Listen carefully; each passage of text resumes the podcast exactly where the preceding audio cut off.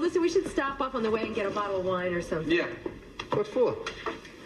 These people invited us for dinner. We have to bring something. Why? Because it's rude otherwise? You mean just going there because I'm invited? That's rude? Yes. So you're telling me instead of them being happy to see me, they're going to be upset because I didn't bring anything? You see what I'm saying? The fabric of society is very complex, George. I don't even drink wine. I drink Pepsi. You can't bring Pepsi. Why not? Because we're adults? You're telling me that wine is better than Pepsi? no way, wine is better than Pepsi.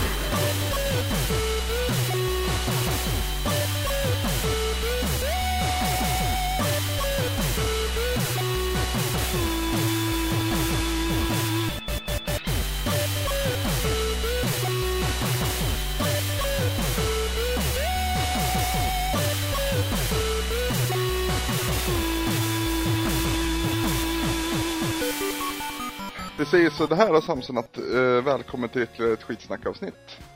Ja, så, så pass? Vad Så, tätt så, så, inpå så. det gick. Jajamän, rätt upp och ner bara.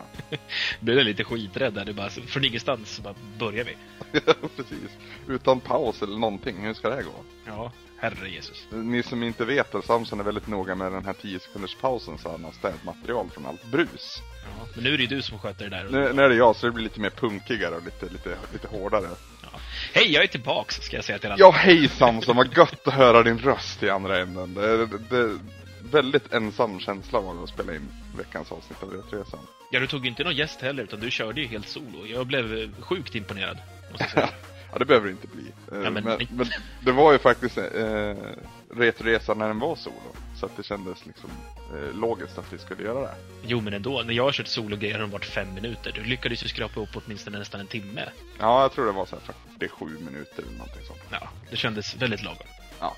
Eh, jag hoppas att folk tyckte om det i alla fall. Vi får väl se när kommentarerna börjar ramla in ordentligt. Eh, jag, jag har hört från några som jag träffade i Stockholm som sa att det var riktigt mysigt. Ja, vad bra. Skitbra. Eh, Vi har ju lite oklart vad fan vi ska prata om nu. Det här är skitsnack alltså. Vi ska ju spontant snacka om eh, massa skit bara. Ja.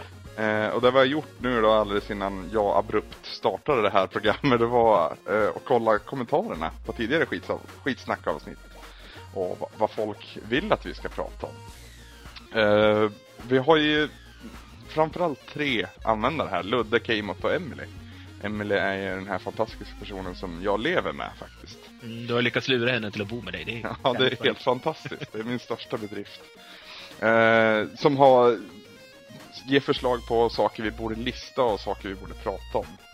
Eh, därtill så är det, men var, var det Lefyrus som vill att vi skulle snacka om mat va? och matlagning? Ja, eller ja, precis. Vad, vad våra favoriträtter är och lite sådana saker. Precis, precis. Eh, jag tänkte att vi, vi, vi avslutar med matbiten och så går vi in på vad Ludde vill att vi ska prata om. Mhm. Eh, jag tänker dock inte ta upp allt, eller jag, jag känner inte att jag kan göra en lista av allt. För det första han skriver till exempel, det är favoritaktörer inom erotikfilmer. Både Mhm. manliga och kvinnliga. Jag har inte så jävla många favoriter här alltså. Det är, det är de här roliga så här. eh, Ja, nu vet jag inte vad han heter, men den här korta, eh, tjocka Ron Jeremy. Ja, exakt. Eh, det är svårt att inte gilla han liksom. Ja, jag, jag gör det enkelt för mig. Peter North och Jenna Jameson. Så, klart. Ja, det är originellt. ja, precis. Två jättestjärnor. Sen är vi inne på mattemat på en gång här när Ludde frågar efter bästa fyllematen eller bakfyllematen. Mm, ja, ja, vill du börja kanske? Fyllemat är ju fascinerande. Mm. Det, för, först och främst vill jag understryka att det är en väldigt stor skillnad på fyllemat och bakfyllemat. Ja, gud ja. Herregud. För fyllemat kan vara whatever.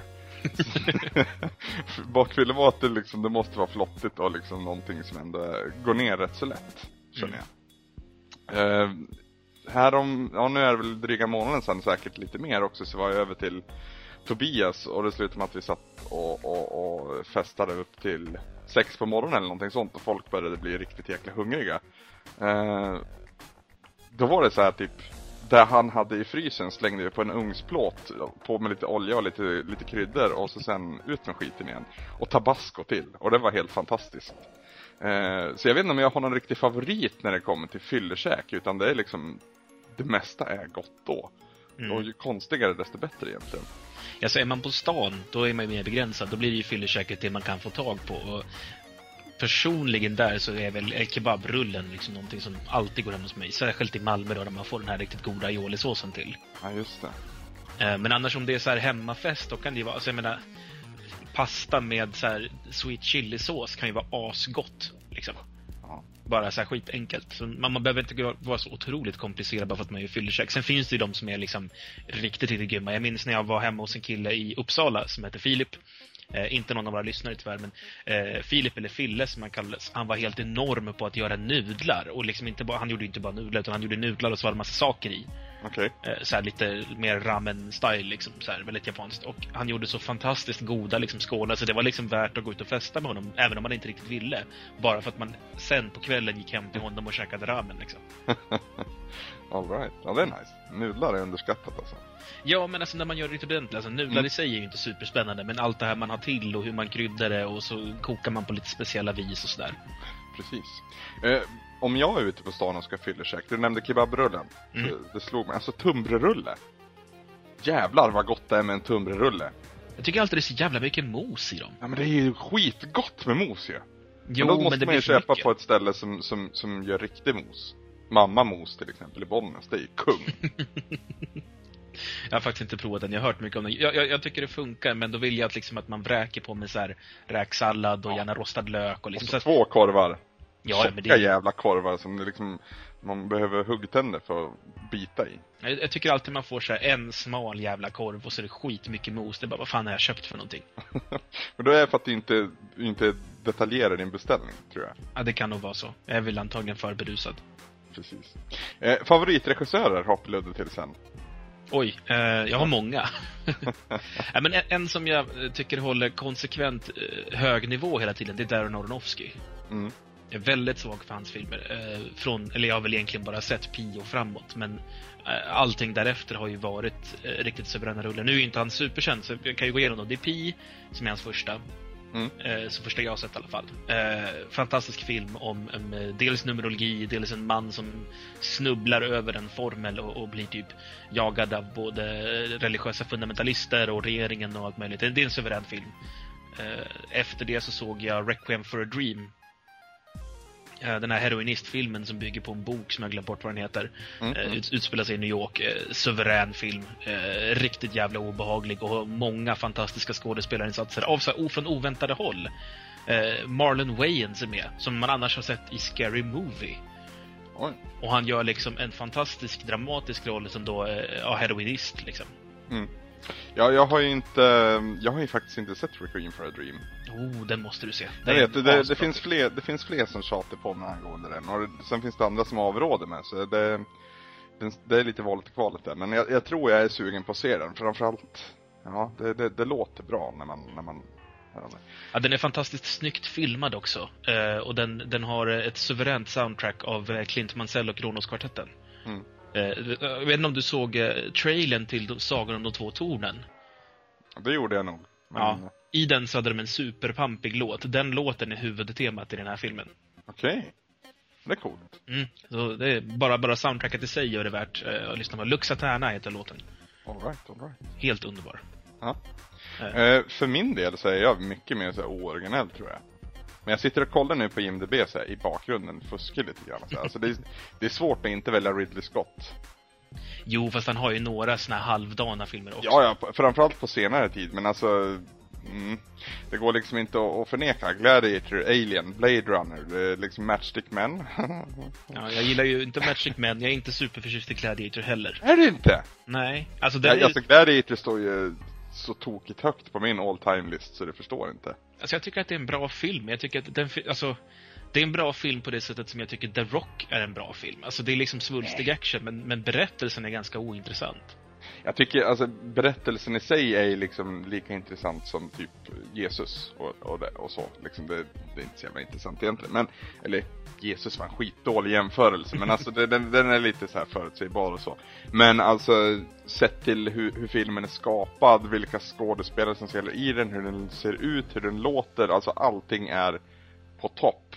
Och jag är beredd att hålla med dig om liknelsen med The Rock i det att man har tagit liksom det här det här pumpande känslan från, från en actionfilm också satt in i, i, i, i Gladiator. Då. Men jag tycker ändå att det liksom, den, den är så pass sparsmakad och gjort med, med en sån fin touch att... Så jag, jag, fråga, det beror på vilken dag du frågar mig, men det, varannan gång ungefär så svarar jag Gladiator på absoluta favoritfilm. Oj, ja, Ja. Det, du håller den högre än vad jag gör. Alltså Ja. jag säger inte att den är dålig, men jag tycker att den har fått Den har fått en massa cred som en så här tyngre film än vad den egentligen är. Nej, jag. tycker inte det. Jag, Ja, tycker, men det, jag tror att det är mina kretsar bara. ja, men alltså, jag tycker inte att den kan få sån. Alltså, den, den, den förtjänar all cred den kan få. Det är väl det jag tycker. Ja, tycker du det? Sen, sen är jag lite, lite förälskad i Russell Crowe också. Så- Jo. Jag tycker i och för sig att Jacqueline Phoenix snor showen i den. Ja, ja. Det, det är på gott och ont. Det är, så, ja, det är lite King's Speech-känslan där. Att det är två briljanta skådespelare som blir ännu bättre av att de spelar mot varandra. Liksom.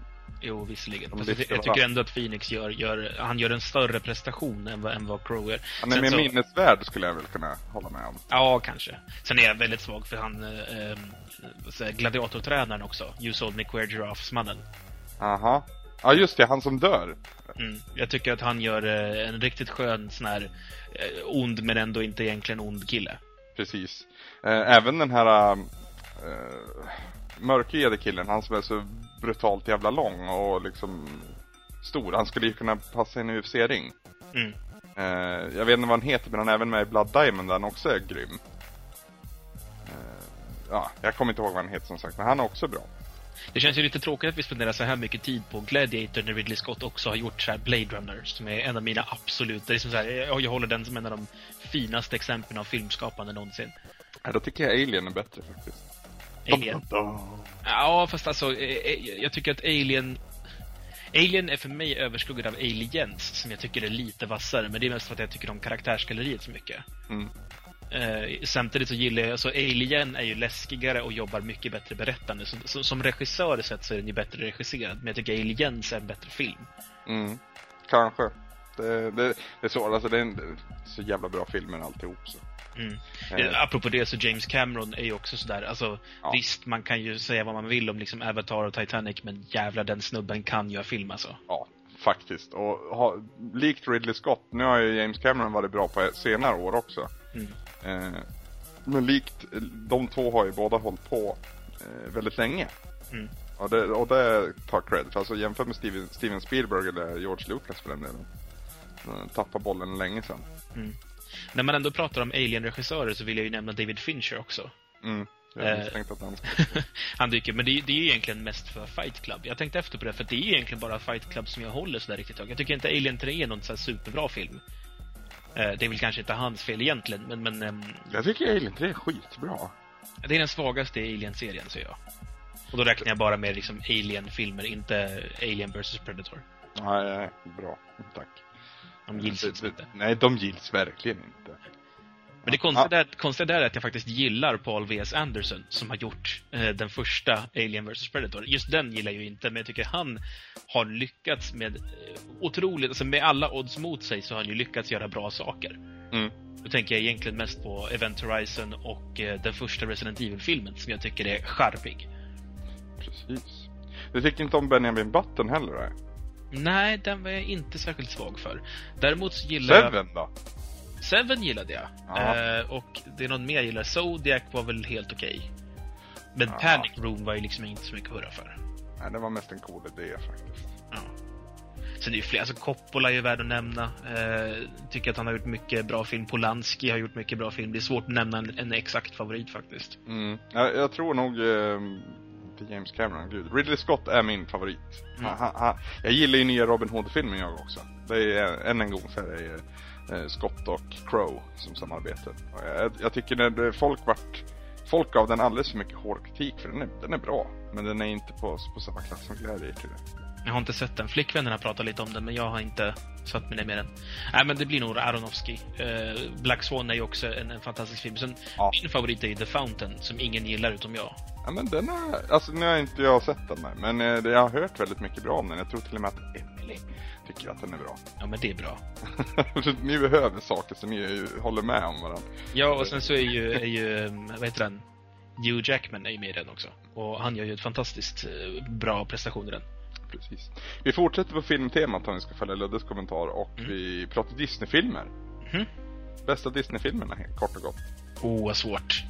Eh, inte. Jo, Den det är faktiskt svårt. Alltså Djungelboken tycker jag är, är fantastisk på alla sätt och vis. Den är till och med bättre på svenska, så att säga. Sen är jag svag för Aladdin, jag gillar Lejonkungen, jag gillar, eh, vad heter den, Lilla Sjöjungfrun. Det finns så mycket som är bra där, liksom. Ja, Jag tycker Lejonkungen står i en klass för sig. Eh, Stulet material eller inte så är den helt fantastisk i, i ihopsättning till film. Som, som liksom ger mig kalla kårar, eller inte kalla kårar, men rysningar oavsett om jag är 10 bast, 20 bast eller liksom där jag är nu. Mm. Så, eh, eh, sen gillar jag också alla dina Djungelboken och, de, och framförallt så här, Hitta Nemo tycker jag är en helt fantastisk film. Just Vilket det. också går under Disneys skepp, eh, så att säga. Mm. Det är alltid så svårt där, vilka som är Pixar och vilka som är Disney. Jag har inte helt hundra koll på det. Pixar gör väl filmer åt Disney? Ja, fast inte jämt. De, Nej. de gick ju ur och sen så kom de tillbaka och så har de samarbetat och allt möjligt. Det finns ju en Disney Animation Studios också. Som gör datoranimerat. De var ju de som gjorde Monsters Inc tror jag. Precis. Om inte jag blandar ihop det. Jag kan ha, det kan vara så att Hitta Nemo inte Disney men... eh, Jo, nej men det, det- jo, det står, det står Disney och Pixar på posten där. Så. Ja, bra. Det är bra IMDB när man gör sånt här. Ja, nej men eh, jag tror att det blir ändå, i slutändan så Djungelboken liksom gammal äldst. Robin Hood älskade jag som barn. Eh, tycker fortfarande om den. Och det är så mycket härliga karaktärer. Så många liksom så här eh, som idag har liksom blivit arketyper. Ja. Men samtidigt så kan jag tycka att så här, det kan vara sweet att se på Hercules liksom. Inte för att Jaha. den är så jävla bra, men för att den är charmig liksom. Hades sparkar ju röv i den filmen alltså. Det, Jo, där är ju också, ja. Vad sa du? James Woods, han är ju helt enorm. Ja, fast jag tycker svenska röstskådisen är, är kung. Det är andens, eh, anden från Aladdin som gör eh, Hades i Vänta, svenska. vem var det? Var det typ Dan Ekborg eller något sånt där? Eh, jag tror det va? Det, det, det skulle man ha tagit reda på egentligen. Ja, jo. men det är vi för lata för. jag tror det faktiskt. Jag, Nej, men, jag eh, föredrar ju alltid, förutom när det gäller liksom barndomsgrejer, när det, när det, förutom Beppe Wolgers, så vill jag alltid ha eh, originalröster. Eh, ja, men fast Lejonkungen. Alltså det är svårt att... Jo, alltså visst. Rickard Wolff alltså. Det är ju coolt med Richard Wolff, men jag menar, det är inte som att eh, Rowan Atkinson är dålig, eller James Earl Jones, eller, eller Jeremy Irons. Liksom, allihopa är ju ja, trippel A-skådespelare. Det är, det är ju med retglasögon man ser på Lejonkungen helt klart. Mm. Eh, Så är det. Ehm, Bästa filmcitaten? Skriver Ludde. Oj, oj, oj. Jag tror, jag tror jag väljer ett Fight Club alltså.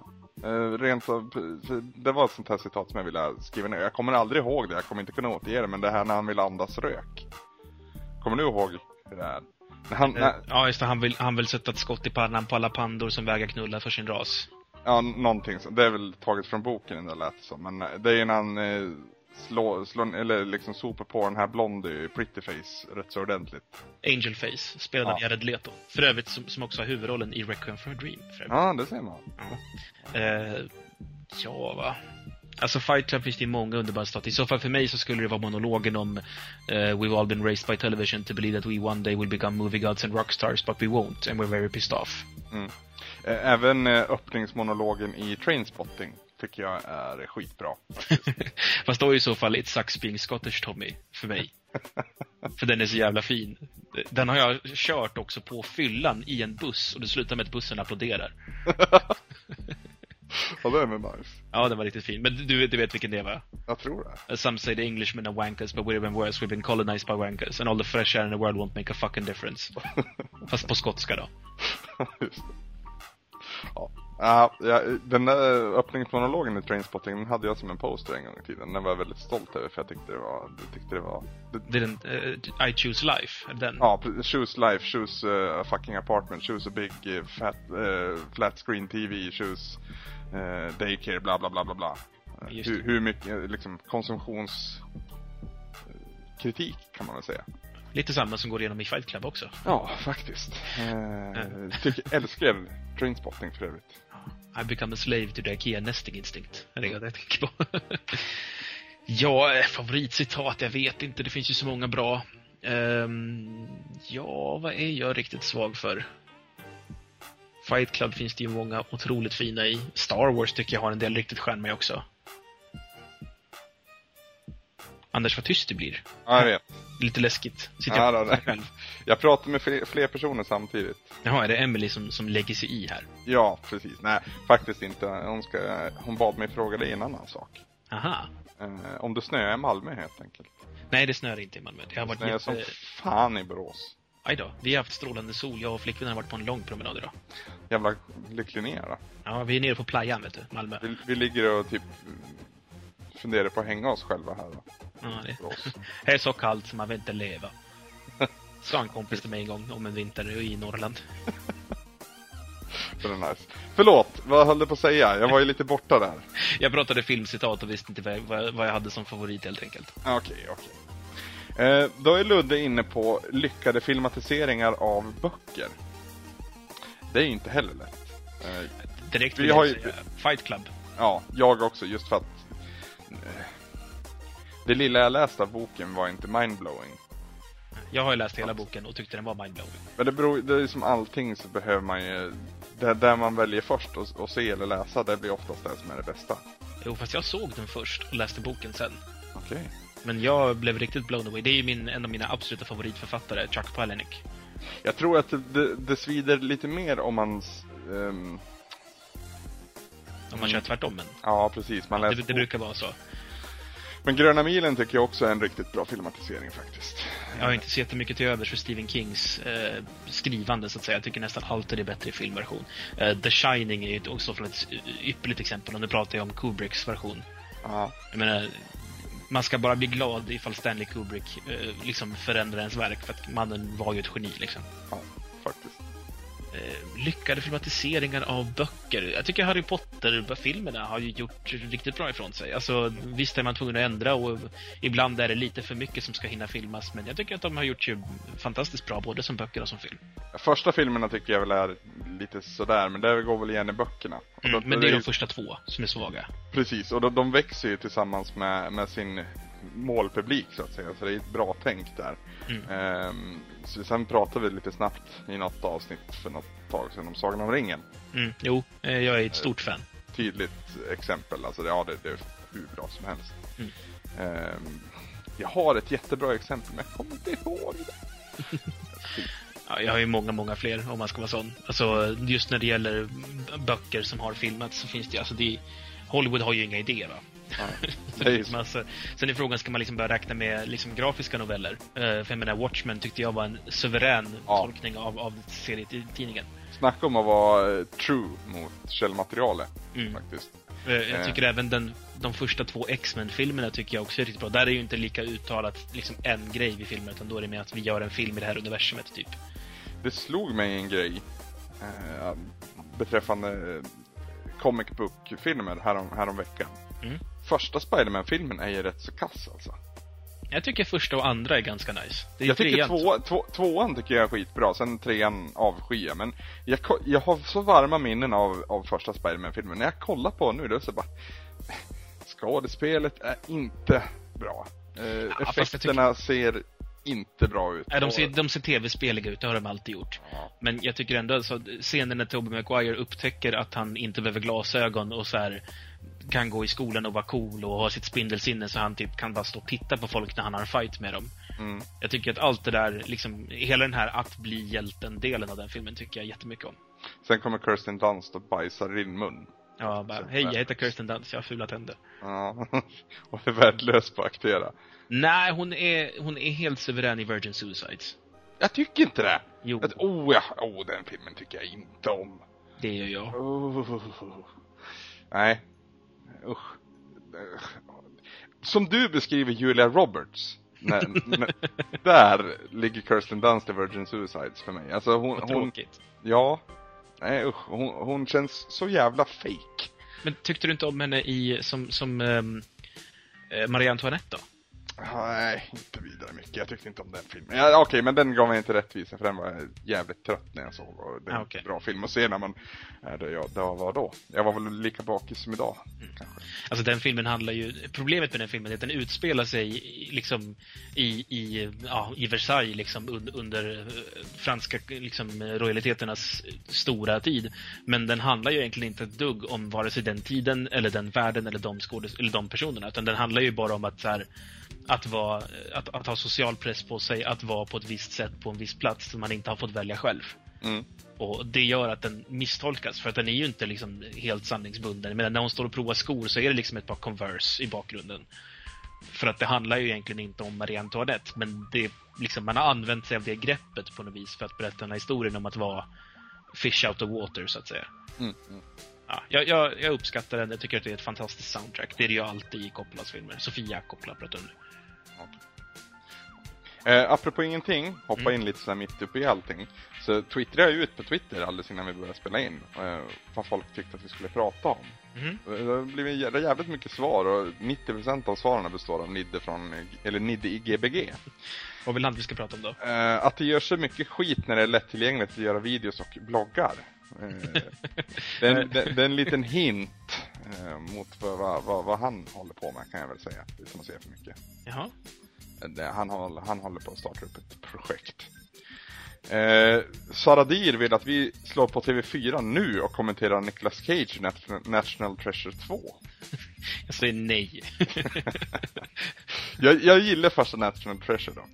Jag tycker den är jättemysig matinéfilm. det är den säkert, men det är Nicolas Cage. Ja, men du kan suga röv Samson. Ja, det gör Nicolas Cage redan. Sen är det också, alltså, sen är det så här, när man ser den så blir man ju så här, man, man, man skrattar ju lite åt liksom, USA som försöker sig på att så här, vi har också en historia. Så bara, åh, akta dokumentet till 200 år gammalt. Bara, så bara, fan, jag har fik som är äldre än så runt hörnet liksom. Ja, men jag, tycker den är fascinerande ändå det här med, med hemliga ledtrådar i, i dollar bills och sånt. Jag tycker, ja, sånt, sånt gillar jag. Sånt Ja, jag skarpt. Och Nicolas Cage är helt jättebehaglig att se på, precis som han bör vara. Jag, jag tycker att den här, ledtråds, eh, här ledtrådsberätteriet tycker jag också jättemycket om. Men jag tycker att det pruttas bort så mycket just i den filmen för den är så dåligt skriven och dåligt regisserad och dåligt producerad. Den är lättsam, tror jag. Ja, den är, den är för lätt. Alltså backa och jämför, kolla på gamla äventyrsmatinéfilmer så ser du att det är mycket, mycket bättre. Det- Alltså, Indiana det är ingen- fucking Jones. Nej, det är precis. Det är ingen Indiana Jones, det tänker jag aldrig påstå. Men det är, det är en perfekt film att kolla på en bakisdag. Ja, fast då ser jag hellre den vilda jakten på juvelen. Om det Med Michael Douglas. Ja, helt underbara filmer. Två stycken är det. Eller sten... Ja, jag, jag gillar dem också faktiskt. Mm. Det, det är bra äventyrsfilm. Eh, Nidde skriver varför spel till... Eh, vad fan skriver han? Varför spel eh, till från film är så dåligt? Alltså varför, varför filmer baserade på spel blir dåliga? Antar att det är det han menar. Eh, det är ganska enkelt att svara på. För att man inte riktigt vet hur man ska göra. För att det man tänker är att man måste göra filmen så att den funkar för de som gillar spelet. Och samtidigt så tänker man att det måste funka som en film. Så man vill vara trogen men inte för trogen. Och det slutar med att ingen riktigt gillar den. Plus att källmaterial är oftast inte filmdugligt. Nej, det är också, alltså, de, de filmatiseringar av tv-spel som jag tycker har funkat bäst, det är de som är mest trogna. Det vill säga typ Mortal Kombat-filmen. Den funkar, för gillar du Mortal Kombat så kan du uppskatta filmen.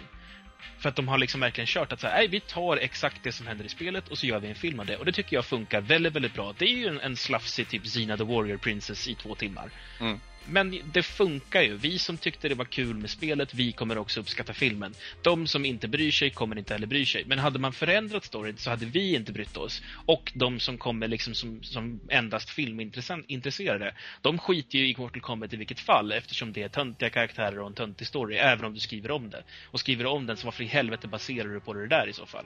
Kolla på hur det har gått för alla andra. Så Resident Evil tycker jag är charmig, men det är för att det är svag för zombies. Men den går ju så långt bort från Resident Evil-spelen Mm. att det liksom känns som att vi som egentligen gillar Resident Evil-spelen, vi blir ju bara så här, åh vad surt. Varför ens ha med Wesker om man inte ska vara som Wesker liksom? Mm. True that.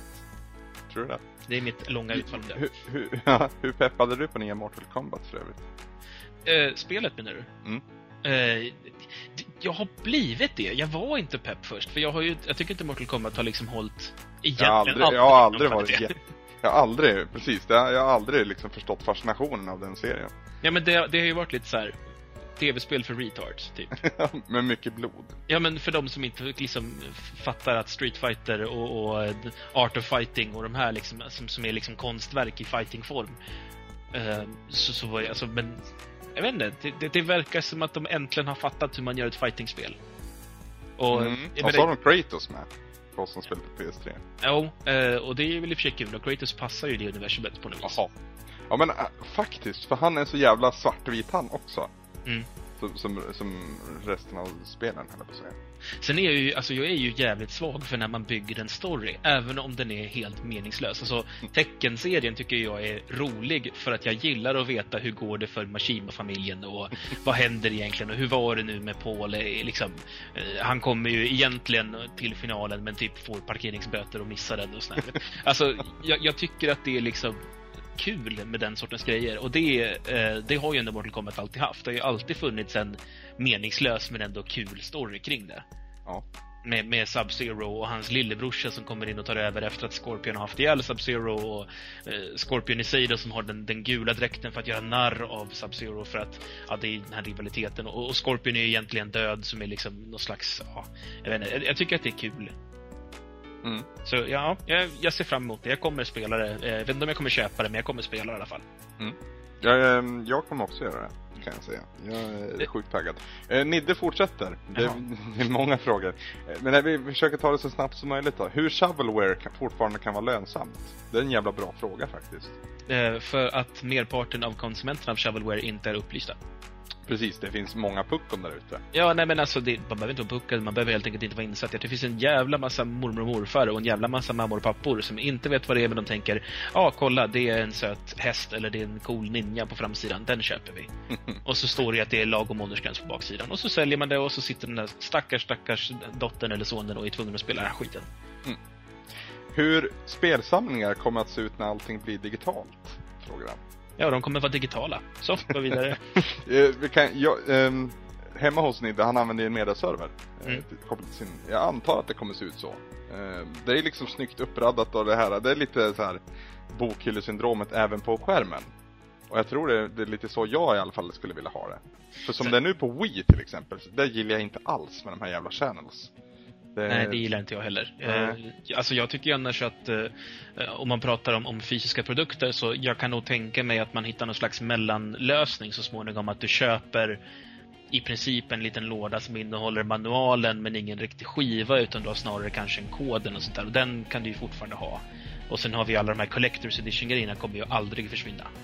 Tror inte? Nej, det tror jag inte. Alltså, även om vi har, om vi i framtiden har maskiner som helt saknar liksom så här, eh, ja, rörliga medier i form av skivor och sådär, att du inte stoppar in något sånt, utan allting sköts liksom via nätet och, och molnet, så kommer du likt förbannat ändå kunna gå till en butik och köpa liksom en Kratos-figur och sen så är det också en kod för att du kan tanka hem spelet. Alltså, det, nu tappar du lite pengar lät det som. Mm, exakt vad jag gjorde. Ja, Jag har så eh, mycket över.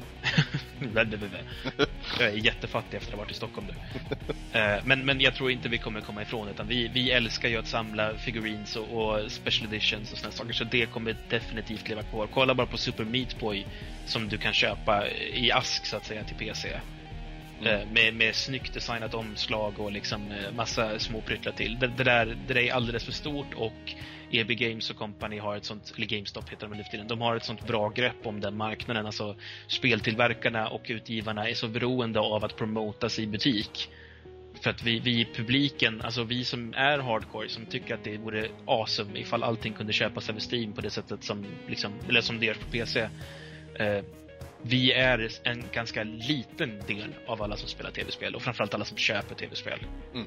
Eh, Så man behöver fortfarande ha butiken och för att då tillfredsställa GameStop så kan man inte bara köra på nedladdat. Kolla hur det gick för, för eh, Inte, inte för de stora aktörerna i alla fall. Däremot kan det komma en uppstickare kan jag tänka mig som typ gör där det, det App Store gör nu. Där kan, där kan jag faktiskt tänka mig hur det skulle, att det skulle fungera. Men jag tror inte att Sony, Nintendo eller Microsoft som är de, de, liksom, de stora nu. Jag tror inte de kommer liksom helt eh, gå på, på den linjen. Nej, det skulle väl kanske i så fall vara ifall Apple i sin typ Apple TV 3 lägger in ordentliga spelfunktioner så har de liksom App Store den vägen. Men det är ju inte riktigt samma sorts spel heller. Nej, det är det inte. Eh, du, du sätter ju aldrig punkt Samson, vi måste köra vidare. Eh, Charlie Sheen skriver han. Winning säger jag. Eh, nej. Jag, Rocking, uh, freaking rockstar from Mars.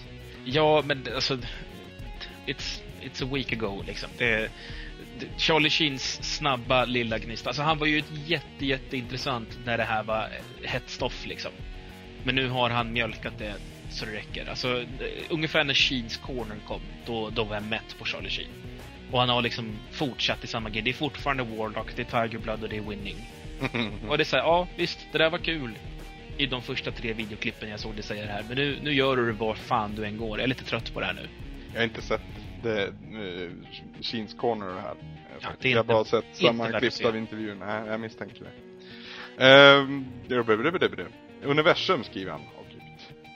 Det, det, det, det, gjorde han ju bara. Den, den skiter vi För den sista han skriver, det är någonting som jag faktiskt vill eh, prata om. Det är Little Sangif. Har du sett den videon? Eh, jag har hört om den, men jag har faktiskt inte sett den själv. Okej, vi såg på den senaste dag faktiskt. Det är alltså, för de som inte har sett den då, så är det en, en, en upptagning från en skolgård i Storbritannien om jag fattar allting rätt. Där en, en yngre mobbare håller på att slå och liksom riktigt jävles med en äldre mobbad kille. Som till slut tappar fattningen, lyfter upp den här killen i fråga och kastar ner han i, eh, i stenhård mark egentligen. Så det, det är, alltså Bully, eh, Bully Beatdown har den kallats den här videon och Little Sandgift då just för att det är ett Sandgift-kast han gör i, i, i, ran, i, i ren Street Fighter-anda. Men det är ju med skräckblandad förtjusning är väl ett rätt bra ord att använda. Som man, ser, som man ser på den här. För alltså det är skönt att se den här lilla dryga jäveln få, få sig en smäll. Men det är jävligt nära att det går riktigt jävla illa. Och det har blivit en debatt efter det här också. För båda de här killarna har varit avstängda från skolan om jag förstod allting rätt. Men jag tror det har rätts ut nu.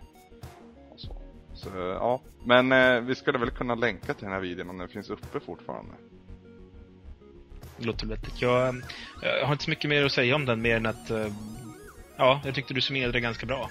Mm. Det, det, alltså det är en tragisk historia i grunden och så sen är det liksom gladiatorsunderhållning höll jag på att säga. Men det, det, det är så här. Ja, fast för mig är det inte, alltså det är inte gladiatorsunderhållningen som är intressanta. Det intressanta är ju att få se eh, underdoggen stå upp för sig själv. Mm. Det, är det, alltså det, är, det är det faktum att det är den mobbade som ger tillbaka. Sen att det liksom kunde ha gått väldigt, väldigt illa är ju en sak. Men, men det är alltid skönt att se en mobbad människa ge tillbaka.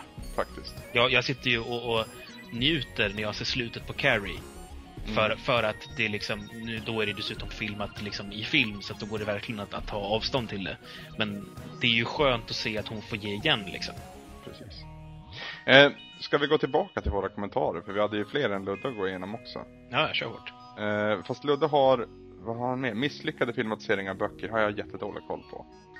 Det, det finns väl många säkert. Men alltså... Ja, alltså en del skulle ju säkert säga Sagan om ringen, vet jag. Ja, ja. Eh, Liftarens guide till galaxen. Ja. Den filmen ja, var riktigt dålig och tv-serien är ju charmigare men den är så lågbudget så att den liksom inte riktigt sevärd ändå på något vis. Mm. Eh, spel ni vill se som film, film som ni vill se som spel? Uh, uh. Jag vill inte se Uncharted och jag vill inte se Heavy Rain som film, kan jag säga det. Nej, Heavy, det känns att, att, att, göra film av Heavy Rain, det är som att liksom måla Mona Lisa med graffiti-stil ungefär. Ja, detsamma tycker jag också gäller i Metal Gear Solid. Ja, faktiskt. Det, alltså... Däremot skulle jag gärna se Hideo Kojima, eller Hideo, jag har aldrig, inte riktigt bestämt mig, uh, göra en film. Punkt slut liksom, att han fick, fick budget och uh, gärna också att han hade något skript att utgå ifrån. Men alltså, inte, alltså en renodlad film. Jag vet inte om han fixar det alltså. Nej, men jag skulle vilja se skulle vilja se den då bara för nyfikenhetens skull tror jag. Ja. Eh, jag tycker att vi, vi just den, den så att säga, det, det, det, ehm, det där shit, det, säga, itchen av att se eh, om en spelregissör kan liksom gå över tycker jag den har fått i och med Final Fantasy The Spirits Within. Mm. Och där blev det ganska svart på vitt att nej, det kan de inte. nej. Uh, japaner, japaner. Mm. Däremot så har det lyckats gå åt andra hållet. Det finns ju, Spielberg har ju jobbat lite med spel och eh, Don Bluth är väl också inblandad i, ja vad heter det nu då? Det här gamla Drag, äh, Lore, heter det? Dragons Lore? Dragons Lair? Mm, ja, jag vet inte riktigt. Ja, men det, är ett gammalt uh, trial and error-spel. Uh, snyggt så inåt helvete, men skittråkigt. Okej. Okay. Eh, Okej, okay. men då var alltså spel som vi vill se som... Men filmer som vi vill se som spel då? Så, som inte redan finns alltså? Uh, allt med zombies, jag vet inte. För det har vi inte sett på spelmarknaden. Ja, men det behövs mer. Det behövs alltid mer.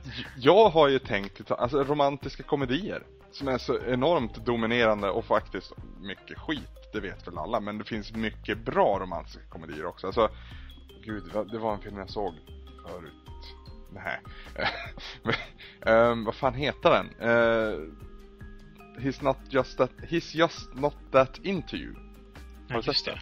Men det, är- så det här är inte det här, det här långa, långa eposet där typ Matthew McConaughey spelar mot random tjej och är så här, jag är en skön kille som är vältränad, men jag har något fel. Typ tio orsaker att hata dig och alla de vet- där filmerna. Var Matthew McConaughey med i den? Det var han säkert inte, men det är typiskt hans sorts film. Ja, eller, ja faktiskt. eller Alltså, Jennifer jag hatar Aniston. verkligen han. Jag hatar verkligen Matthew McConaughey och bara för det så ska vi också lyfta fram eh, Matt Damons tolkning av Matthew McConaughey. så det måste vi länka till också. Jag måste säga att Matthew McConaughey eh, blev tolkad väldigt, väldigt bra i Family Guy.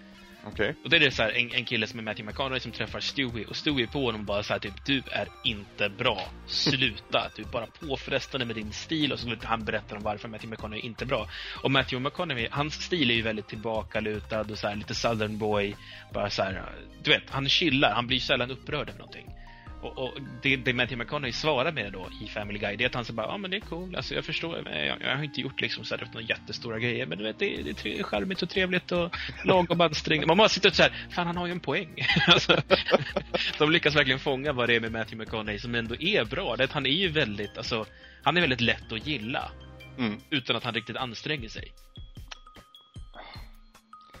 Ja. Jag, jag, jag tycker inte att han är dålig. Jag tycker att han har Jag tror, jag tror det finns mer, mer kvali kvalitet bakom gänget i Family Guy då, snarare än, än han själv. Jo, i och för sig, men det är ju baserat på honom själv. Så att, jag, jag tycker att det funkar. Men ja, jag, har ing, jag, jag tycker att han i sig inte är så dålig, men han har gjort väldigt mycket dålig film. Men i alla fall, romantiska komedier tycker jag borde finnas mer, alltså mer, mer, mer av den typen till spelmarknaden. Var det inte David Cage som pratade om att han skulle göra, vara intresserad av att göra något sånt? Liksom, Ja. I och med att de har den här ursäkta, den, den, den filmiska motorn så att säga, som de gjorde för Heavy Rain. Precis. Att de då med, med samma teknik skulle kunna tackla en annan genre. Nu hade de ju gjort thrillern liksom. Mm. Det skulle vara intressant. Det skulle vara väldigt intressant. David Cage eh, har, har inte gjort jättemycket men jag är jättefan av han och det han hittills har gjort. Vad vill vi se då? Grabben i graven bredvid, typ? Jag vet inte. Alltså det får ju gärna vara någonting smart och liksom... eh, Men alltså någonting lite seriösare än Leisure Suit Larry. Ja men gud. Det går väl inte riktigt att jämföra. Det är väl i och för sig lite så här romcom, men det är fel sort. Nej men alltså förstår du vad jag menar? Alltså, typ... Eh, so mycket socialt spel tycker jag är jävligt intressant. Tänk dig liksom de bästa delarna av Mass Effect där det bara är sånt så i ett annan, på en annan plats så att säga, i en annan tid och ett annat universum. Jag säger Shallow Hal wants a gal. Den hade varit nice att se. Ja, okej. Eh, då var vi klara med Ludde där till slut. Vi gjorde en liten avstickare in på Twitter där. Kmot eh, bidrar till Luddes eh, lista av listor. Eh, han vill att vi ska prata om Sveriges mest irriterande bloggare, vilket jag tror att du har gjort redan. Ja, annars är jag inte så jätteförtjust i Kissy heller. Nej, inte jag heller, men det är väl liksom. Men du, ska vi vara, ska vi vara lite farliga och säga Sveriges mest irriterande spelbloggare? Ohoho! Eh, jag har en sak som jag har stört mig på väldigt, väldigt länge och det, det, det mesta av det finns borta på loading.se. Mhm. Faktiskt. Och det är de här jävla wall of text-nissarna som, som kommer fram och tror att de kan, eller tror, det är väl många som inom citationstecken går på det sättet att skriva, men att skriva en rad, eh, göra två radbrytningar och sen skriva ett ord, göra två radbrytningar, sen skriva ett stycke på typ fyra rader, göra en radbrytning, bara för att skapa den här, den här effektiva pausen, du vet. Att tro att det är effektfullt på mig, det är ju fan way out there wrong. Alltså, mm, jag tycker det är skitfjantigt och det blir bara jobbigt att läsa. Och det riktas framförallt till Tobias Söderlund och Oskar Skog. Och jag gillar båda dem alltså. Jag, jag, jag tycker de är vettiga människor. Tobias har jag jobbat med, Oskar Skog har jag följt väldigt, väldigt länge. Men det sättet att skriva funkar inte för mig. Nej, alltså det är här- noll flyt i texten. Men det är den här talspråks, alltså att man vill lägga in tonläget där med, med pauser och sånt. Det är det Ja, att det ska bli så effektfullt och så. Oh, nej, jag tycker det är fjantigt. Det är fake. Jag har jag hakat upp det, det eko från hela helgen för jag har gått och sagt att mycket är fake den här helgen och jag fortsätter med det. Annars tycker jag ju Tobias framförallt skriver fantastiskt liksom välformulerat. Mm, och- ja, ja, och, absolut. genomtänkt. Och jag tror att de skulle, om de skulle skriva på ett mer vettigt, alltså när de skriver i Level till exempel, Mm. så, så är det ju skitbra. Det är just de här jävla blogginläggen när det är, ja, alldeles för mycket radbrytningar och talspråk helt klart. Jag har inget större problem med, den, med alltså att man väljer det formgreppet. Jag har egentligen ingen, ingen person heller som jag vill poängtera, utan det jag stör mig på det är ju alltså när det är faktiska syftningsfel, stavningsfel och grammatikfel. Eh, man kan slarva förstås, alla kan slarva, men för helvete, särskrivningar. Vad fan håller du på med? Jävlar vad det kändes som att det var riktat mot mig här. Ja, du särskriver inte så jättemycket. Du du har lite syftningsfel ibland här och där. Ja. Men alltså, man kan ju som sagt slarva. Jag vet att du, du, du är inte den som sitter i så här flera timmar och slipar på din text bara för att den ska vara perfekt. Men, men eh, det, det är många gånger jag läser spelbloggar det blir så här, men vad fan, ha lite jävla, liksom, fan, kolla upp hur man, om du är osäker ifall det ska särskrivas eller inte, så vad fan, kolla. Det är bara fråga någon liksom. Mm. Eh, Det, det, det liksom sticker. Det, det är också där, det är en av de problemen som gör att jag inte kan ta bloggande på samma allvar som liksom seriösa skribenter. För att, att ha språkfel är en sån låg nivå. Det är sånt man blir rättad för i högstadiet. Liksom. Mm. Det är ju innehållet jag ska, jag ska liksom bemöta. In, inte liksom ifall innehållet är presenterat korrekt eller inte. Men jag, jag tror jag reagerar precis tvärtom där fast av sam... Eller inte, det här blev fel. Men alltså, för mig spel... Alltså jag ser inte de felen på samma sätt. Utan det är innehållet och vad, vad den här skribenten eller bloggaren försöker säga till mig. Och om det är någonting värt att säga och värt min uppmärksamhet så att säga. Jo, men om man inte ens kan presentera det i liksom förståelig, ordentlig svenska. Då blir jag liksom bara, då slutar jag bara läsa. Det, det finns ju en gräns helt klart även för mig. Men alltså, ja. Jag, jag tror... Ja, jag tror att jag, jag låter spelbloggare komma undan med mer. Om bara de har en god tanke bakom det hela. Det ju För det värsta jag vet, det är ju när, när folk skriver bara för att.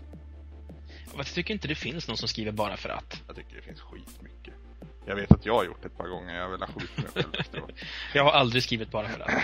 Nej, jag har gjort det kan jag säga. Alltså, sen har man ju kröniker och, nej inte kröniker kanske, men recensioner har man ju skrivit bara för att. Det måste ju du ha gjort också. Jo, men det är ju ett jobb, det är en annan sak. Den, den skriver man ju för att man har fått blivit tillsagd. Här, "Du, vi ska ha en recension på det här. Eh, Nicolas Cage bästa filmer.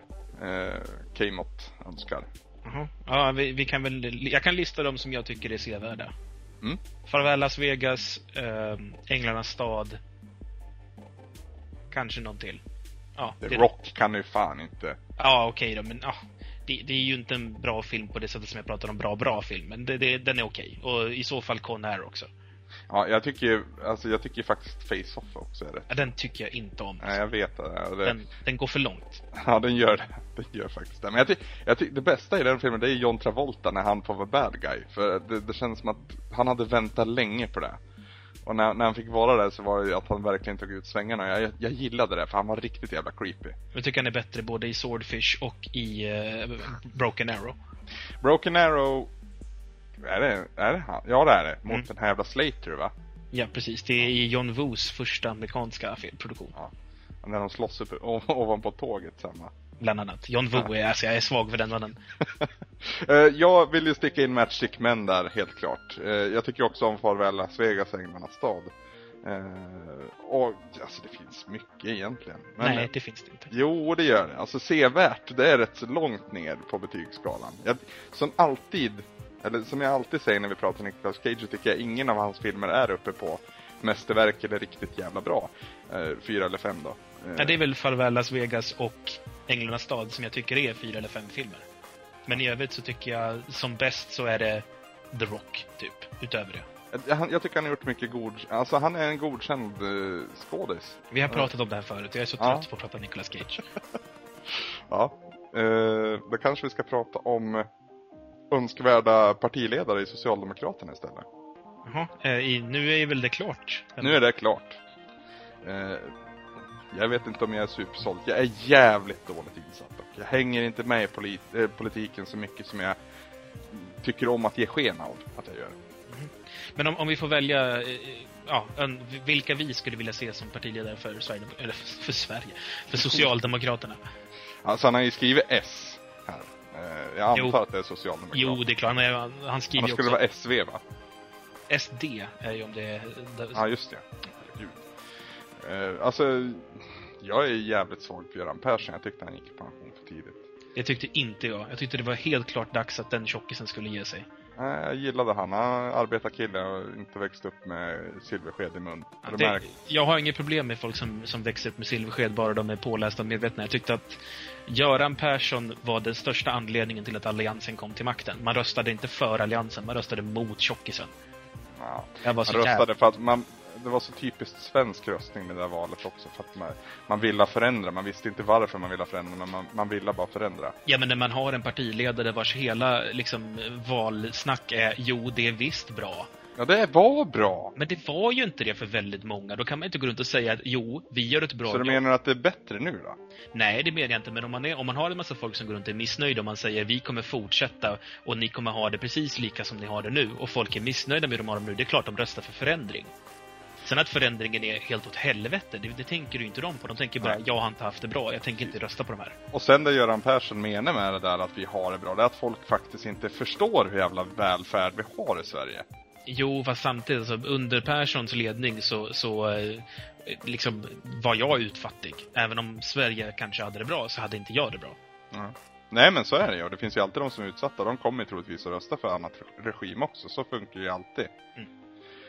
Eh, Jag tyckte ju om Göran Persson, jag, som sagt, jag tyckte han hade karaktär och så tyckte jag om att han spelade lite fult ibland. Det, det är alldeles för få politiker som liksom kan, säger åt Reinfeldt, att de frågar om han hade gått upp i vikt två sekunder innan programmet är live. jag, jag, jag, jag gillar sånt. Jag gillade ju Mona Sahlin, ska jag ju säga. Det, jag vet att du inte gjorde det, men jag gör det. Gillar det. Alltså jag, jag avskydde henne inte. Jag tycker hon, hon, alltså hon växte på mig under den här valkampanjen. Men alltså det var ju betydligt mer problem inom eh, Socialdemokraterna än bara henne. Mm. Som gjorde att de inte fick återta makten. Hur vad det låter, återta makten. Det låter som att vi pratar om andra världskriget. Nej, jag, jag vet faktiskt inte. Jag måste först och främst skapa mig en uppfattning om den partiledare som Sverige, eller Socialdemokraterna nu har. Mm. Tror jag. Alltså jag måste ändå säga jag, jag är lite svag för Per Nuder just för att han vågade kalla 40-talisterna för ett jävla köttberg. Ja, det, men det är sånt jag gillar. Det är liksom, när de vågar liksom ta skit. Det tycker jag... Sen är ju frågan om resten av hans politik är någonting som jag ställer mig bakom också. Liksom. Nej, det vet man inte. Nej men alltså, det, jag hoppas väl egentligen på att det, fick jag välja så skulle det vara någon som var lite yngre. Jag är så trött på att ha en gubbe eller en tant högst upp. Jag skulle vilja ha någon som är liksom i 40-årsåldern. Inte i 60. Det, det vore uppfriskande. Mm, verkligen. Eh, nästa är också politik. Hemskaste reformerna Alliansen har genomfört. Än en gång så känner jag att jag inte har kött på benen för den diskussionen just nu. Jag kan säga vilken som är min, alltså min, den som jag har själv upplevt mest konsekvenser av. Ja. Eh, Det är ju att de förändrade reglerna för CSN. Ja. Vilket innebar att om du har pluggat, även om du har jobbat samtidigt, så får du ingen a-kassa.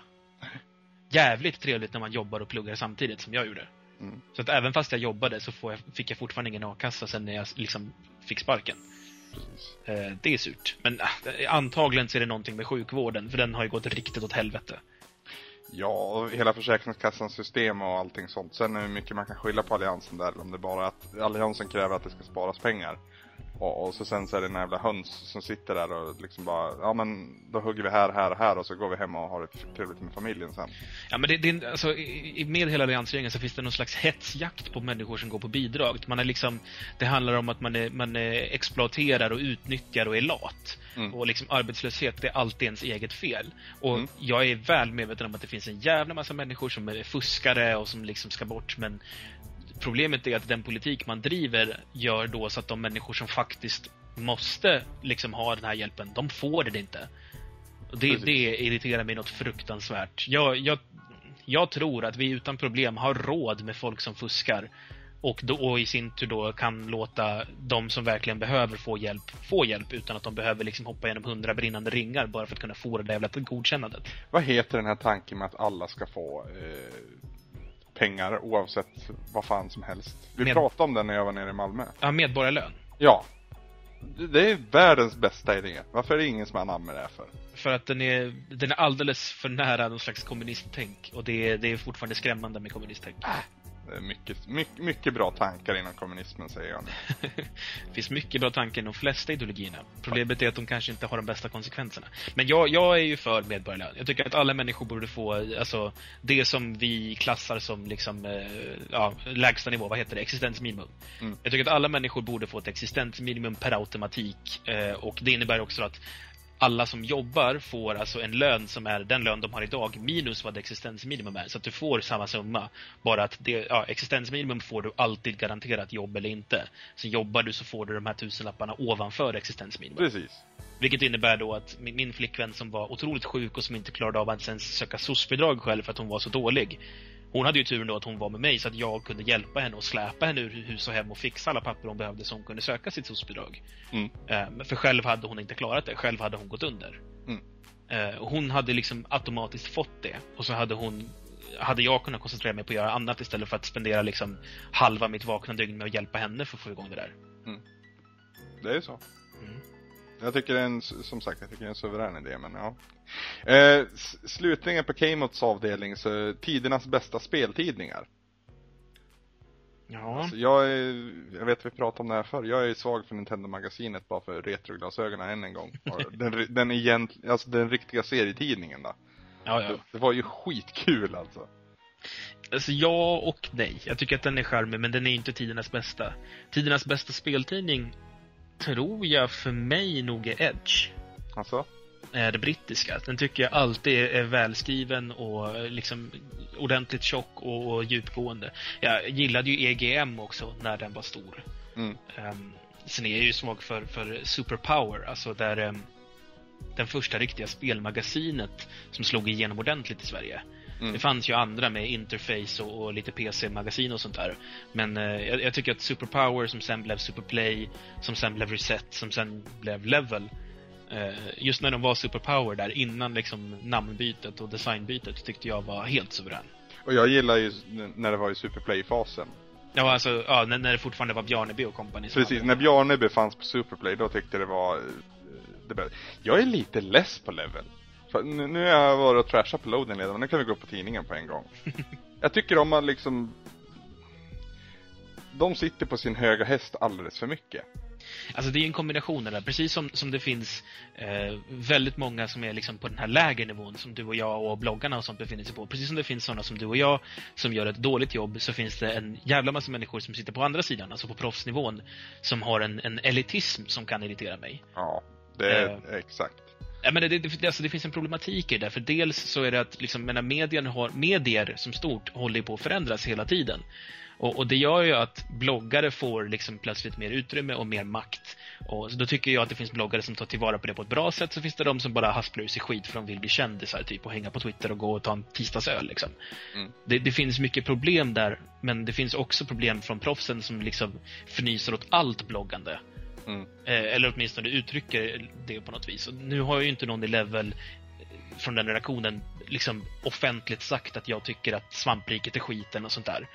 Eh, Det, det har de ju definitivt inte gjort. De är ju smartare än så. Men jag, jag tycker mig ana att det finns en viss elitismtänkande hos, hos en del i redaktionen. Alltså ja, och jag, jag tycker det känns så jävla väl när jag bläddrar i det senaste numret av Level att de är helt ohotade där uppe. Fast det Game är Reactor. de också.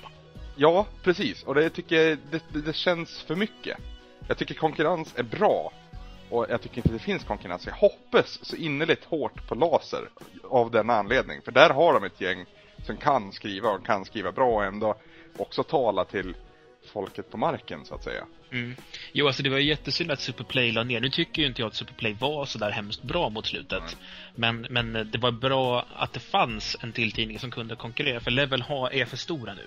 Ja. Alltså, jag menar, Thomas Wiborg skriver jättebra, alltså helt otroligt bra. Jag önskar jag kunde skriva så bra. Och jag önskar jag kunde skriva så bra som Johan Hallstan.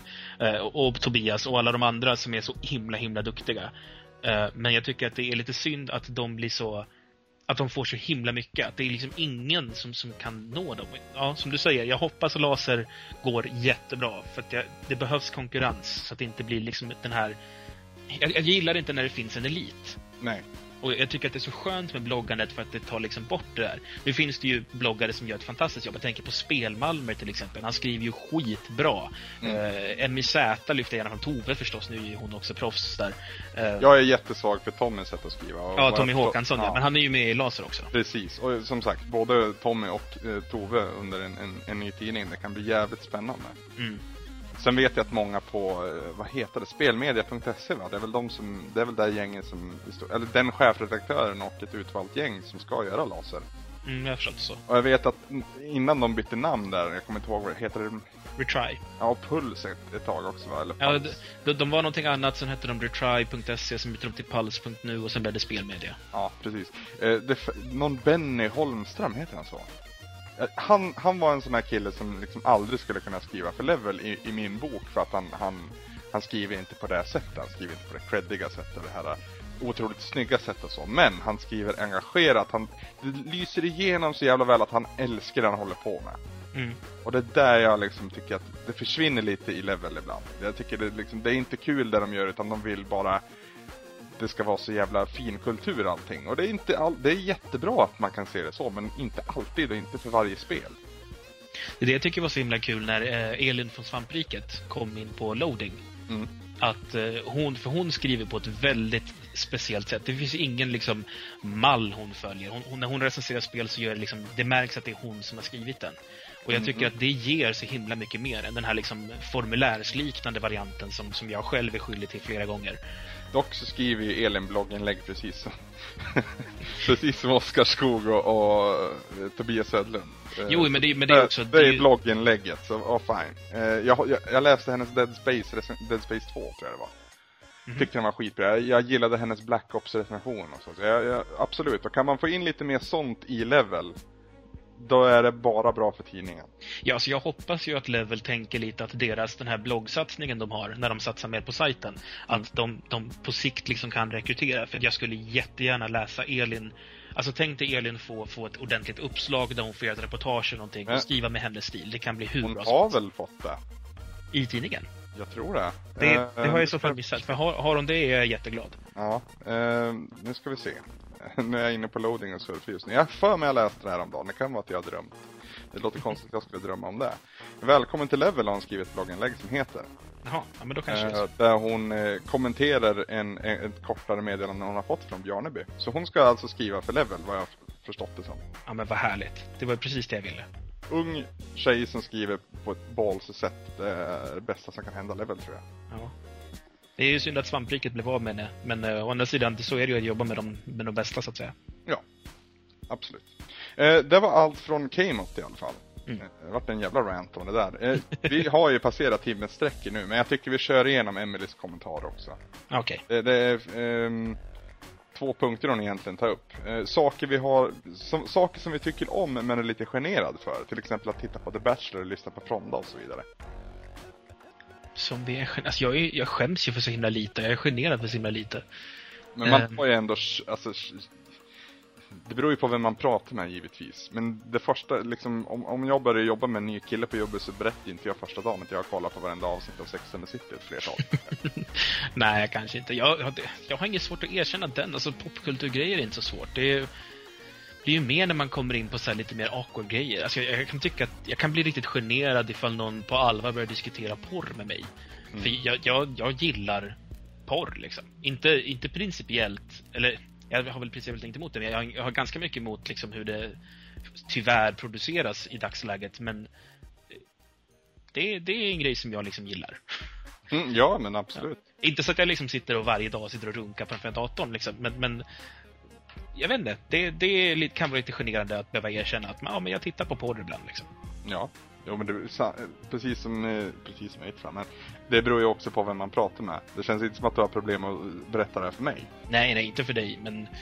Svärfar kanske? Ja, definitivt svärfar. Men även alltså, sitter jag på, på en trevlig pub med en massa människor som jag typ halvkänner men tycker är jätteintressanta och, och, och spännande människor så kanske inte jag bara förresten, är det någon som har sett den här ja, nu vet inte jag vad saker och ting heter eftersom det inte... Ja, porr, porrkonsumtion har ju förändrats genom internet. Mm. Uh, men, men ja, det, jag vet inte, det känns som att det är egentligen ett fjortisnöje För att jag ska egentligen ha vuxit ifrån det och särskilt när jag har liksom en, en sambo som jag delar säng med och så vidare. Men ja, jag tycker det är charmigt. Eh, jag tänker inte ta i ämnet porr med tång. Mm.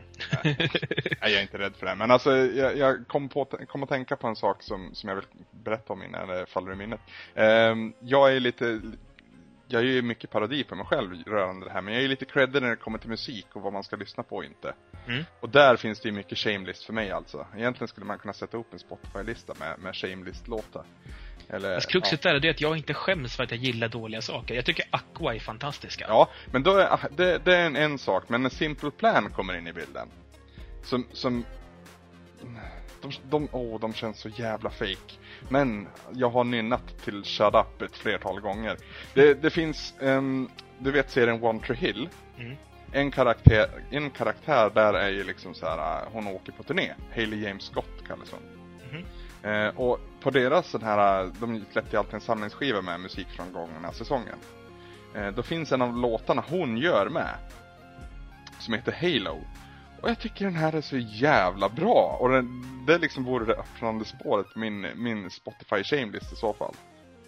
Eh, jag tror fan vi ska länka till den också. För jag, jag råder den här skarpt. Och jag tycker, ja. Men det är ingenting jag liksom spelar upp för mina musikcred-vänner direkt.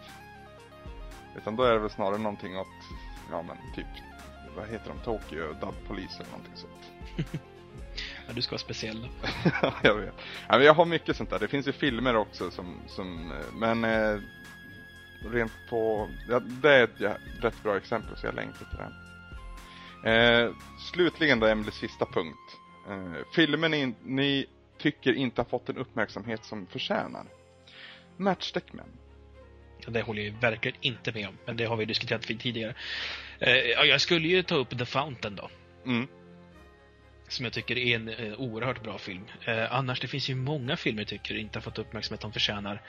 Um, vad var det jag tänkte på? Um, the, the Incredible Tales of Molly Flanders, tror jag den heter. Eh, Det är väl egentligen en miniserie eh, från 80 eller 90-talet med eh, en, väldigt duktig brittisk skådespelerska i huvudrollen. Det handlar om, om egentligen ett adoptivbarn som, som liksom hennes försök att ta sig upp i societeten. Och det hon liksom har är att hon är vacker och hon är liksom så förtjusande så hon gifter sig rikt hela tiden. Okej. Eller försöker och så blir det liksom att ja, det blir en massa problem förstås och, och de blir utan pengar och så, så ja. Eh, vä- väldigt intressant film om just eh, det problematiska med att eh, egentligen inte ha några riktiga förmågor men vara vacker. Och då att vara kvinna ovanpå det. Och liksom hur man försöker ändå liksom hålla sig flytande utan att egentligen kunna göra någonting. Mm. Det, det, är en, det är en svår... Eh, förlåt om det lät som att jag avbröt dig förresten. För det- Ingen fara. Eh, det, det är en svår grej, för alltså vad är underskattat egentligen? Eh, som, som True Lies till exempel. Eh, har ju väldigt många sett och det James Cameron har fått mycket bra uppmärksamhet och så. Men det, jag vet att jag var en av dem som liksom dömde ut som en, ja men det där är en film med Arnold. Men den är ju riktigt jävla bra True Lies tycker jag. Ja, alltså det är ju charmigt. Det är en av Arnolds bästa charmiga filmer. Ja, precis. Sen finns det en film som jag inte kommer ihåg namnet på med The Rock och Sean William Scott. Eh, det finns en ofantligt rolig scen där, där de har äter någon frukt som gör att de domnar av i hela kroppen och det är liksom No more freaky fruit, säger han. Ja, jag, jag, jag garvar varenda gång. Eh, vi pratade om Evolution för några veckor sedan va? Mm, den gillar jag väldigt mycket. Ja, jag också. Eh, också där Sean William Scott faktiskt. Det är, det är kul. Det finns mycket alltså. Eh, men det är väl, det är väl ett axplock, heter det så? Ja. Jag skulle vilja lägga till några till. Det, det finns en som är en fantastiskt rolig film som ingen har sett. Den heter Big Trouble. Mhm. Eh, och det är inte Big Trouble in Little China, för den, den har väl alla sett. Men, men Big Trouble är en film med eh, Kommer du ihåg Tummen mitt i handen? Den här ganska skittråkiga tv-serien med Tim Allen i huvudrollen. Ja, den snubben, Tim Allen, han spelar huvudrollen i den här och det skrämmer de flesta. Men det är en asrolig... Liksom, det, det, det är någon slags komedi med lite actioninslag. Eh, som är fantastiskt rolig rakt igenom. Några av mina absoluta favoritskådespelare med, framförallt av Richard Warburton. Mm. Mannen med den bästa komiska tajmingen just nu i alla fall. Tillsammans kom- med Tina Fey. Ja, Tina Fey. Alltså henne vill man ju faktiskt ligga med bara för att hon är så ofantligt jävla rolig. Ja, det, jag skulle säga att det är världens nu, leva, eh, världens nu levande roligaste människa. Ja, faktiskt. Eh, och imponerande att hon lyckas ändå vara liksom... Ja, nej, jag, jag gillar henne skarpt. Jag kom på fler. Mhm. Ehm, Master and Commander, på tal om Russell Crowe. Åh, oh, den är fin. Ja, och så Paul Bettany. Och där är de, och, då, de är så bra i lag. Och de är även i lag i A Beautiful Mind, som är en ännu mer fantastisk film. Ehm, Rocky 6, för fan. Den såg jag ju nyligen och vart sl- slagen av hur mycket jag gillar den ändå. Heter inte den bara Rocky Balboa? Jo, exakt. Men, ja, precis. Den han är typ en miljard år gammal Mm. och fortfarande boxas. Men det, det, det är ju så svårt att inte bli störtförälskad i karaktären Rocky Balboa. Alltså, Jag tycker mer om Rambo. Vad blir det? Ja, den som också bara var samma, samma veva så kom ju Rambo kort och gott. Ja. Som är typ Rambo 18 eller någonting. Den är också bra. Den tycker jag inte alls. Men jag, jag har alltid gillat Rocky och han är ju under, underdogen liksom. Det, det, det är svårt att inte eh, bli kär i han. Och i, alltså, egentligen är det bara Rocky, Rocky 1 och Rocky 6 som är värda att se på. Rocky Nej. 2 kanske. Rocky 4 med Ivan Ja. Drago. Den Jo men det, det, då, det, då ser man på den liksom på samma sätt som man läser Nintendo-magasinet, serietidningen nu. Alltså det, det, det är kul för att det är så plumpigt och, och så. Men jag tycker det finns en, en, en annan ton i de filmerna jag nämnde som, som Ja, alltså, ger mig mer. Rocky 1 är ju en, en seriös och riktig film som inte bara är en så typisk 80-talig boxarhistoria som, som Rocky 4 är. Men Rocky 4 är ju Alltså den jämför jag mer i så fall med The Rock. Alltså den sortens korkade filmer, men Ja. den är ändå väldigt bra. En bra korkad film. Precis. Eh, Samma princip gäller ju också i Rambo. Rambo 1 är ju en seriös film som handlar om en krigsveteran från Vietnam som är liksom så skadad av sin drillning i, i, i det militära. Ja. Eh, och, och han är ju ett offer i den första filmen. Och sen så i film två och tre så gör de honom till en slags superhjälte som åker ner till Afghanistan och så vidare. Och det, det blir ju, det är en helt annan grej. Rambo 4 är ju liksom the rockifieringen av Rambo dessutom. Det, det, det är liksom en eh, högbudgetproduktion som är lika korkad som, som The Rock, men som ändå funkar för att den är liksom den, var, den, den, den gjorde liksom actionfilmen eh, fick komma tillbaka ordentligt. Den här korkade actionfilmen som jag även tycker Cliffhanger eh, suverän skitdålig film. Faktiskt, jag är beredd att hålla med helt klart. Eh, två till med, med en röd tråd. Eh, Vanilla Sky och Eyes Wide Shut. Ja, eh, bra båda två. Ja. Och Tom Cruise är väl den mest under, under och överskattade skådisen också. Om man ändå pratar om honom så gillar jag väldigt mycket Cocktail och, Days of Thunder och Top Gun. De här gamla riktiga 80-tals liksom stekarna. Jo, men alltså han kan ju skådespela och han kan ju skådespela förbannat bra. Och det, ja. Folk, glömmer bort det. Jag, jag misstänker att det är skitmånga som inte har sett Mission Impossible 3 bara för att det är Tom Cruise som en spion. Men jävlar vilken... Jag tror det är min favorit av Mission Impossible-filmerna. Och en av mina favoritfilmer med Philip Seymour Hoffman för övrigt som lyfter allting ytterligare en nivå. Men den är väl regisserad av, av någon vettig människa? Ja, det är någon creddig människa där också. Ska jag, ska jag söka på det också eller? Nej, det behöver du inte göra. Men det, det är någon av de här som har mycket cred för att han gör bra saker. Mm. Jag är på väg att söka nu för jag vill fan veta. Det kan våra lyssnare också få veta. Eh, två, apropå Mission Impossible, Mission Impossible 2. Hur fan kunde den vinna en Oscar? Vann den en Oscar för vad? Ja, jag ska kolla. Jag vet att jag, jag noterar Bästa den. effekter? Ja, jag vet. John Who vann den i alla fall. Och hur fan det gick till. Eh, John Woo heter den. Ja, men vad sa han jag? är, han, du sa Who, som i Vem då? Ja, men det var inte meningen. Jag vet att han heter Who. Jag gillar John Woo. Ja, ja, alltså visst. Men inte i Mission Impossible 2. Nej, nej, men om du kollar på typ A Better Tomorrow och, och de här liksom hans Hongkong-filmer. De är Mm. helt underbara. Eh, nio wins and 17 nominations. Nu ska vi se. Eh, Det var det regissören jag var ute efter. ja, men alltså vi ska ju kolla varför den vann en Oscar den här filmen. Ja, just det. Eh, fan vad svårt det är på den IMD- IMDB. Det här är bra radio. Lyssna Ja, visst. Anders googlar. Visst är det det? Nej, ja, skitsamma. Jag hittar inte tror jag. Eh, broadcast, Golden Screen Image Awards, Kid Choice Awards, MTV Awards, Motion Picture Awards, Ra- Razzie Award vann eh, Worst Remake or Sequel eh, och Worst Supporting Actress i Thandie Newton. Det är intressant. Nej, jag, jag hittar den inte här. Fuck it. Mission Impossible 3 är regisserad av J.J. Abrams. Just det, J.J. Abrams. Så var det. Han kan ju sin skit. Han är creddy. Ja. Creddy. Creddy. creddy. Han är creddy. Creddy Kruger. Hörru du, Ja, eh, ska vi packa ihop den här säcken för nu? vi ska väl det. Som vanligt har vi hållit på för länge. Mm. Men det, det vore inte oss om det inte var Vad kul det var att prata med dig igen Samson. Ja, det var alldeles för länge sedan nu. Ja, faktiskt. Även om det bara var två veckor sedan. Vi får ta och göra ett ordentligt retroresan snart också. Ja, jag tror det. Ni ska ha det på fredag om allting går enligt planen. Eh, det ni har lyssnat på nu, det var Anders Brunlöv och Samson Wiklund. Och det här, det var bara skitsnack.